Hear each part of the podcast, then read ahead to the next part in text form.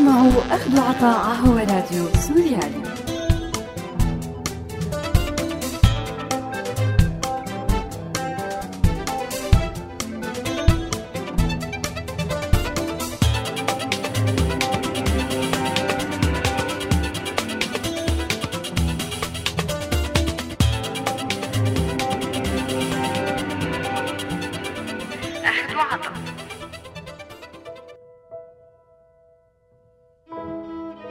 أعزائي المستمعين أهلا وسهلا فيكم.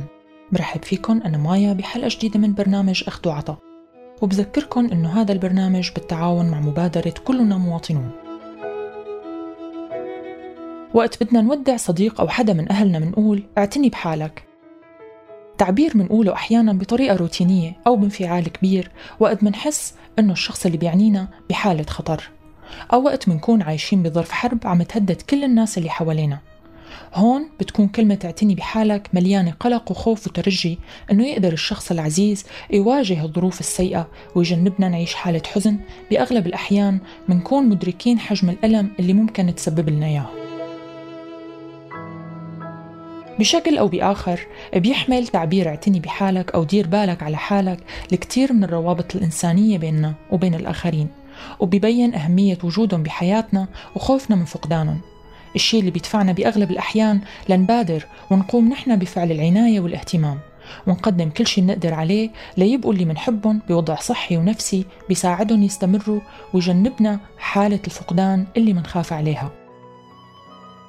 بالرغم أنه مفهوم العناية مدرك لدى كثيرين منا خاصة أنه أغلبنا قام بفعل العناية كأخ أو ابن أم أو أب صديق أو عابر طريق إلا أنه المفهوم بحد ذاته اتطور بشكل كبير عبر حياة الإنسان. وطرح تساؤلات كبيرة من خلال ممارسته وشغل حيز كبير من الدراسات الفلسفية اللي اعتبرت أنه أخلاق العناية والاهتمام هي أخلاق مستقلة بحد ذاتها ومتميزة بحد ذاتها عن أخلاق الفضيلة والعدالة شو يلي بيدفعنا نعتني بالعالم اللي حوالينا؟ هل هو الحب، الاحترام، أو إيماننا بكرامة الإنسان والكائنات اللي حولنا؟ شو يلي بيدفعنا لنعتني بقضية أو ناس ما منعرفهم؟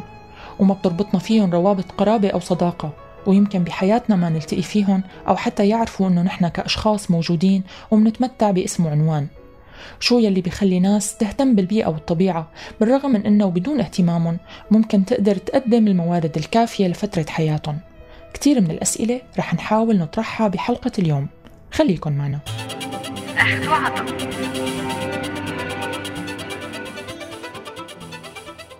أهلا وسهلا فيكم من جديد. بداية خلونا نبلش مع هذا الاستطلاع.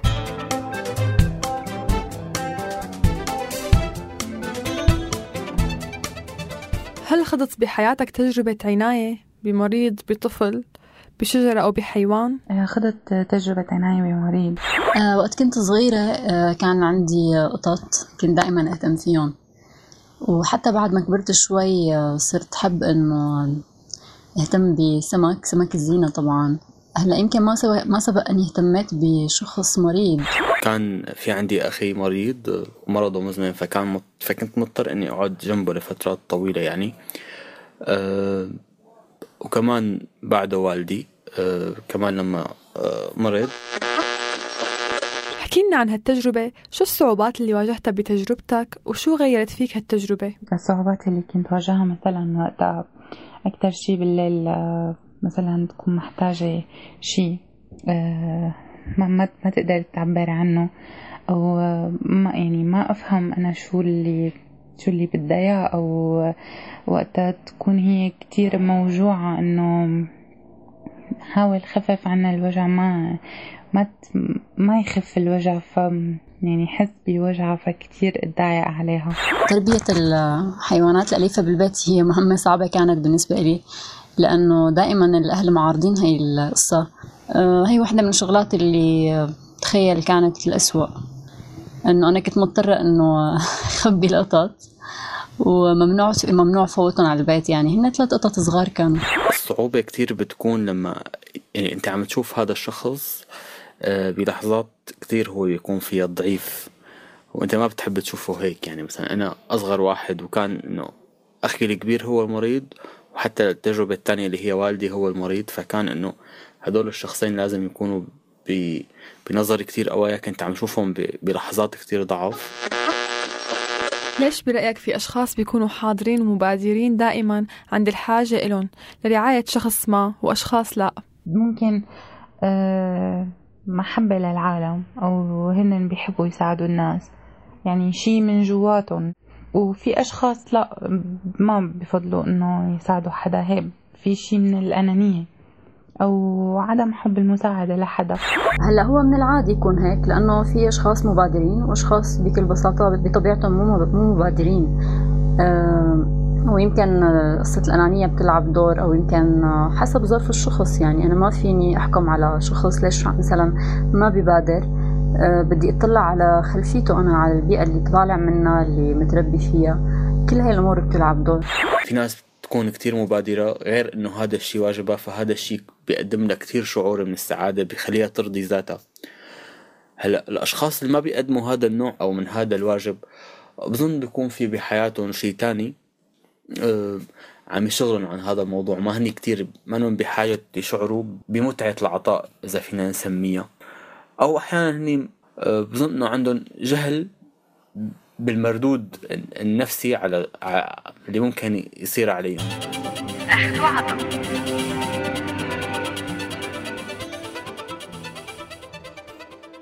بتكون ماشي بالشارع وبتلتقي بالصدفة بشخص كبير بالعمر قاعد على الرصيف وعم يبكي. أكيد ما رح تكون أول شخص شافه. الكثير من الأشخاص مرقوا وكفوا طريقهم بدون ما يسألوه ليه عم يبكي أو شو محتاج. بعضنا بيعتبر هذا الشيء مسؤولية مؤسسات غالبا ما إنها موجودة أو عم تقوم بدورها بطريقة خجولة ما بتكفي لتساعد الكل. والبعض منا أو يمكن بس واحد رح يعتبر هذا الشيء مسؤوليته ورح يكتفي بالصدفة اللي جمعته بهذا الشخص ليبادر ويحاول يساعد ولو بسؤال ليه عم تبكي؟ حساسيتنا تجاه الآخرين مختلفة من شخص لآخر إلا أنها المحرك الأول لاهتمامنا فيهم وقيمة أساسية لنقوم بعمل أي شيء ممكن يساعد الحالة اللي عم نواجهها ونساعد حالنا ونطمن ونحس إنه العالم لسه بخير وإنه ممكن نحصل على المساعدة وقت نحتاجها. ويمكن بريحنا نعرف إنه الحساسية وإن كان الطبع ممكن يكون موجود أو لا إلا أنه حساسيتنا تجاه المحيط ممكن يتم اكتسابها مع الوقت إذا قصدنا هذا الشيء. وممكن ندرب حالنا على التجاوب والتفاعل تجاه الأشخاص والقضايا مو بس يلي بمحيطنا وإنما يلي بعيدة كتير عنا حتى ولو اعتقدنا أنه ممكن نكون محصنين من مواجهتها مثل قضايا الحريات والمجاعات حول العالم. كتير سمعنا عن أطباء تركوا بلدهم وعياداتهم وحياتهم المرفهة وسافروا وعرضوا حياتهم للخطر ليساعدوا ناس بمناطق الحروب. وكتير من الحركات اللي استقطبت دعم ناس حول العالم لحرية شخص محكوم بالإعدام بسبب رأيه.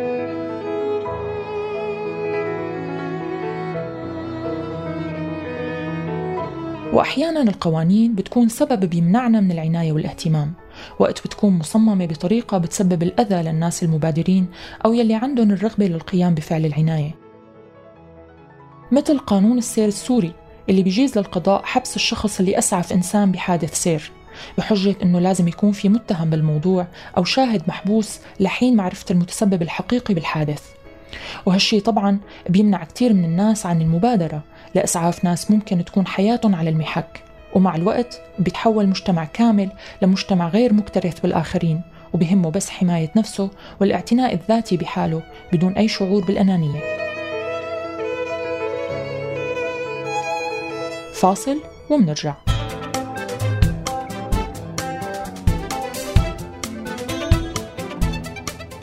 شو الدافع اللي بيحرك الناس لتعتني ببعضها؟ العدالة، المصلحة أو رد الجميل؟ في ناس ممكن يكونوا مصلحجية آه، بس ما بظن إنه هدول آه، يقدروا يعرفوا شو هو الاعتناء أو يعتنوا. وممكن يكون آه، رد جميل. من الطبيعي يكون في كتير شغلات بتدفع الناس لتعتني ببعضها. هلا دائما في مصلحة مشتركة. طبعا ما عم بحكي عن المصلحة المادية يعني المصلحة ممكن تكون محبة. أنا بلاقي إنه حتى بالمحبة بيكون أو بالحب في في مصلحة وهي معنوية طبعا. لأنه أنت لما بتقدم شيء لشخص فبالتالي رح ينعكس هذا الشيء عليك إنه بالإيجاب وتحس حالك إنك عايش وإنك عم تقدر تقدم شيء للناس اللي حواليك. ما بعرف شو هو الدافع اللي بحرك عموم الناس آه، غير الدافع الإنساني. ما بعرف إذا فيني سميه إنساني غير إنه هو كمان أصلا واجبي إنه كان مثلا بتجربتي إني أعتني بأخي أو بوالدي.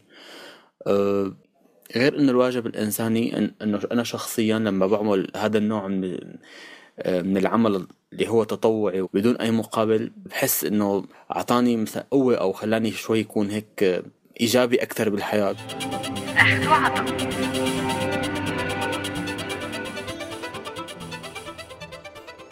مبدأ العناية كتير متشابك ومعقد. بالرغم من أنه أغلب أفعال العناية بتبين عفوية وتلقائية إلا أنها بتحمل قيم كبيرة بداخلها مثل الثقة والعدالة أو رد الجميل. وأحيانا بحركها مشاعر سلبية مثل الشعور بالذنب والتقصير بحادثة سابقة. بعض الاختصاصيين بيميلوا لحصر مبدأ العدالة كهدف على العلاقات العامة والخدمات المؤسساتية مثل علاقة المواطن بالدولة ومؤسساتها. أما مبدأ العناية فبيتم حصره بالعلاقات الخاصة مثل العلاقات الأسرية والصداقات.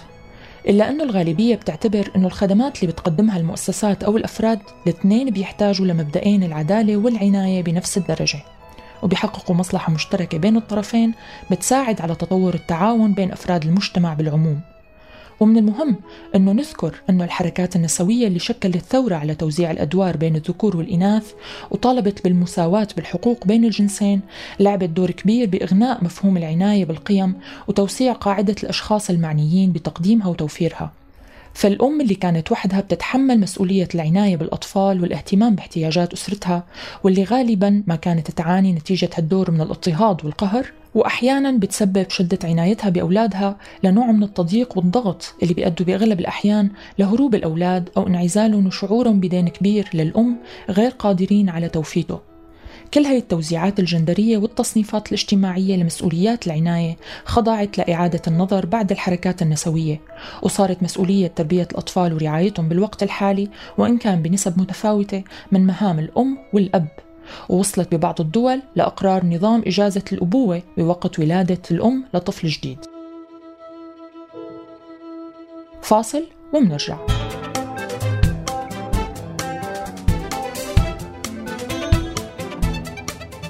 برأيك ممكن العناية تاخذ شكل مؤسساتي جمعية وزارة منظمة مثلا لرعاية الأطفال الأيتام أو العجزة؟ أي بيكون أكثر فعالية الرعاية الفردية والشخصية ولا الرعاية عن طريق مؤسسة؟ برأيي إنه بتكون الرعاية الفردية أفضل من مثلا جمعية أو وزارة أو شيء تاني. في حال كنا عم نحكي عن مجموعة كبيرة من الأشخاص كأيتام أو عجزة أو حتى يمكن مشردين فنحن هون يعني بنصير بحالة إنه المفروض مؤسسة تعتني فيهم ممكن تكون منظمة ممكن تكون جمعية. ما عندي الفكرة بصراحة كتير عن هذا الموضوع ولكن آه، إذا كل حدا اهتم بشكل فردي بحدا رح يكون شيء أصعب ويمكن ما يقدر يتوفر له آه، كل الشروط لحتى يعتني فيه. هلا من الواجب إنه تصير العناية بالأشخاص المرضى أو المسنين أو اللي عندهم إعاقات بين قوسين إنه إنه تكون بشكل مؤسساتي وبشكل منظم. هلأ أنا بحسب ما بشوف مثلا بقرأ بأوروبا هذا الشيء موجود. وهو تجربة كتير ناجحة. هلأ نحن عنا هون بسوريا ما كتير هذا الشيء موجود إنه هذا النوع من العناية هو يكون بطريقة مؤسساتية. حتى مثلا خصيصا مثلا موضوع آه، دار المسنين. أصلا ما عندنا تقبل لهي الفكرة إنه مثلا إنه فينا نحط أهلنا بدار مسنين. حتى أنا شخصيا ما بقدر أتقبلها مع أني لما بشوف هاي الفكرة مثلا بحسها كتير عادية مثلا بأوروبا أو بأمريكا. بس نحن عنا لهلأ في مشكلة بتقبل هذا النوع من الأفكار تحديدا بموضوع مثلا رعاية المسنين. أما الباقي بظن أنه هو الأفضل أنه يكون آه، منظم مؤسساتيا. أخذ وعطا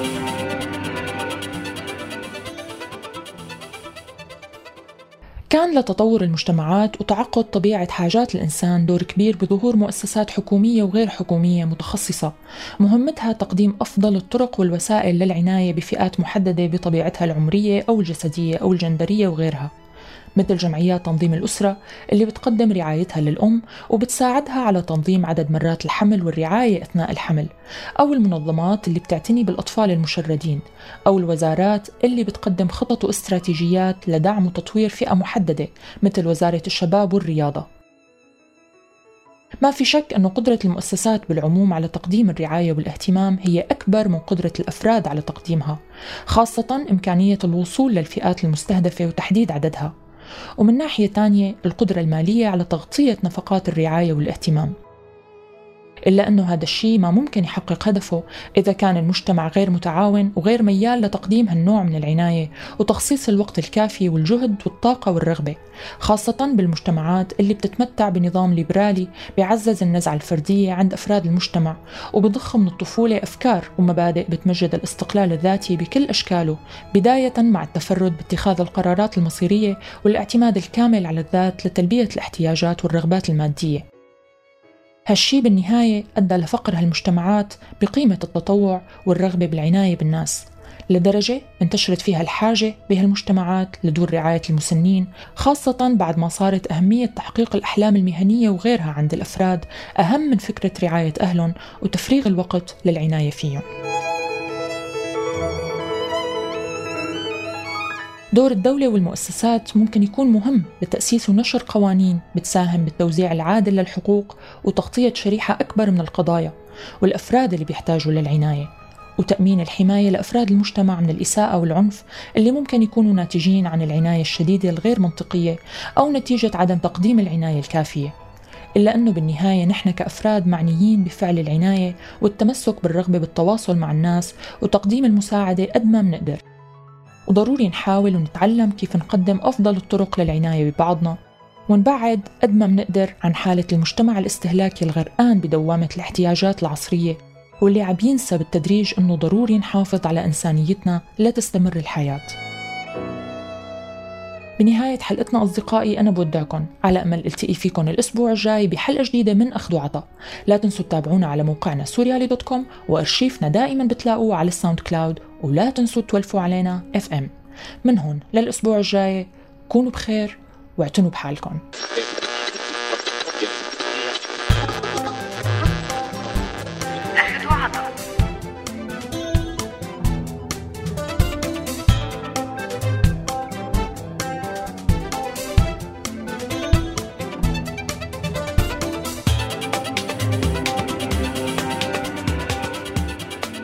هذا البرنامج من إنتاج راديو سوريا ل 2015